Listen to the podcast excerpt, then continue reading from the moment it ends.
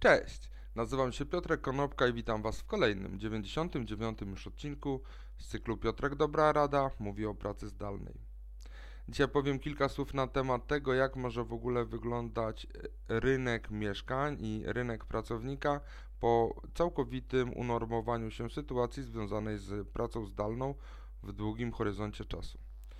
Ostatnio rozmawiałem z jedną z moich koleżanek na temat tego, jak może wyglądać gospodarka za pół roku, czy za rok, czy za dwa lata.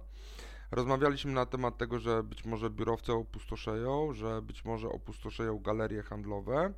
Dowodem na to może być na przykład decyzja Amazonu, co prawda w Stanach Zjednoczonych, że zamierza przejmować upadłe galerie handlowe i przerabiać je na magazyny, tak żeby szybciej docierać z, ze swoją ofertą, ze swoimi produktami do potencjalnych nabywców.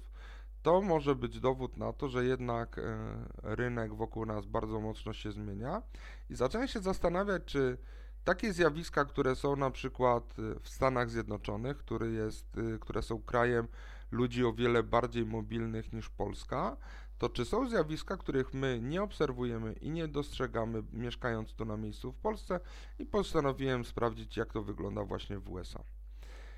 Jak wpisałem w Google'ach e, informacje, zapytanie na temat tego, co się zmienia na rynku mieszkaniowym, pierwsze co wyskoczyło na szczycie wyników wyszukiwania, to była sytuacja w San Francisco. Okazuje się bowiem, że mieszkańcy San Francisco i w ogóle całej Doliny Krzemowej bardzo mocno zastanawiają się nad tym, żeby w ogóle się wyprowadzić z tego miejsca, jeżeli pracodawcy dopuszczą pracę zdalną w 100%. Okazuje się bowiem, że nawet zarabiając bardzo dużo w olbrzymich organizacjach takich jak Google na przykład, czy w różnego rodzaju startupach, to bardzo dużo te osoby wydają na koszty utrzymania, na przykład ceny mieszkań e, w trakcie niedługiego okresu czasu podrożały właściwie trzykrotnie, a wynajęcie łóżka we wspólnym e, domu kosztuje czasami 1300 dolarów miesięcznie bądź więcej. Dlatego ludzie zastanawiają się nad tym, czy nie przeprowadzić się do innych miejscowości, a móc pracować w okolicach San Francisco.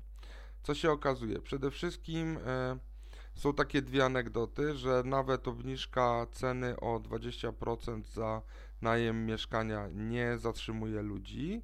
Poza tym, e, idąc do fryzjera czy dentysty, w trakcie zadawania pytania, czy te osoby, no bo mm, jednak nie oszukujmy się, siedząc u fryzjera, czasami z tym fryzjerem się rozmawia, to zadając fryzjerowi pytanie, czy ludzie decydują się na wyprowadzenie, okazuje się, że większość osób, które odpowiadały na takie pytanie e, ankietowanemu fryzjerowi, była zdecydowana co do wyprowadzenia się z okolic San Francisco. Przeprowadzonych zostało kilka badań, m.in. taki marketplace zatrudnieniowy o nazwie Hired. E, to Hired y, odkrył, że 42% ankietowanych chciałoby się przeprowadzić do tańszego y, miejsca, do tańszego miasta, jeżeli pracodawca pozwoli im y, pracować zdalnie.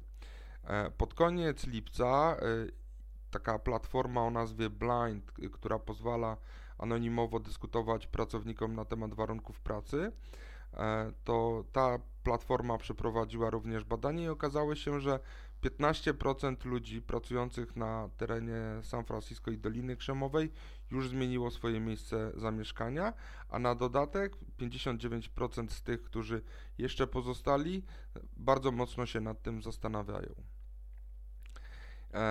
300 e, dyrektorów finansowych i jest to badanie przeprowadzone przez firmę Gartner, doszło do wniosku, że co najmniej 5% pracowników będzie pracowało stale zdalnie spoza swojego obecnego miejsca zamieszkania. A jeszcze co ciekawe, gdzie w ogóle ci ludzie się przeprowadzają? To nie jest tak, że e, przeprowadzają się z jednej dzielnicy San Francisco do drugiej, bo jest taniej. Popularnymi kierunkami wyprowadzek z San Francisco są takie miejscowości jak Phoenix, Nashville czy Seattle lub Denver. Denver dla e, oddania skali, Denver jest oddalony od San Francisco o jakieś 2000 km, także ludzie zdecydowanie dalej się przeprowadzają, zmieniają sobie otoczenie i tak się zaczynam zastanawiać, czy my w Polsce również dojdziemy do takiego momentu, że jeżeli praca zdalna się upowszechni, to zwiększy się mobilność Polaków do tego stopnia, że ktoś pracując w Warszawie będzie mieszkał w przykładowych Bieszczadach bądź nad morzem i czy to będzie trend bardzo popularny, czy będzie dotykał tylko i wyłącznie poszczególnych jednostek. Dzięki serdeczne, do zobaczenia i usłyszenia jutro. Na razie.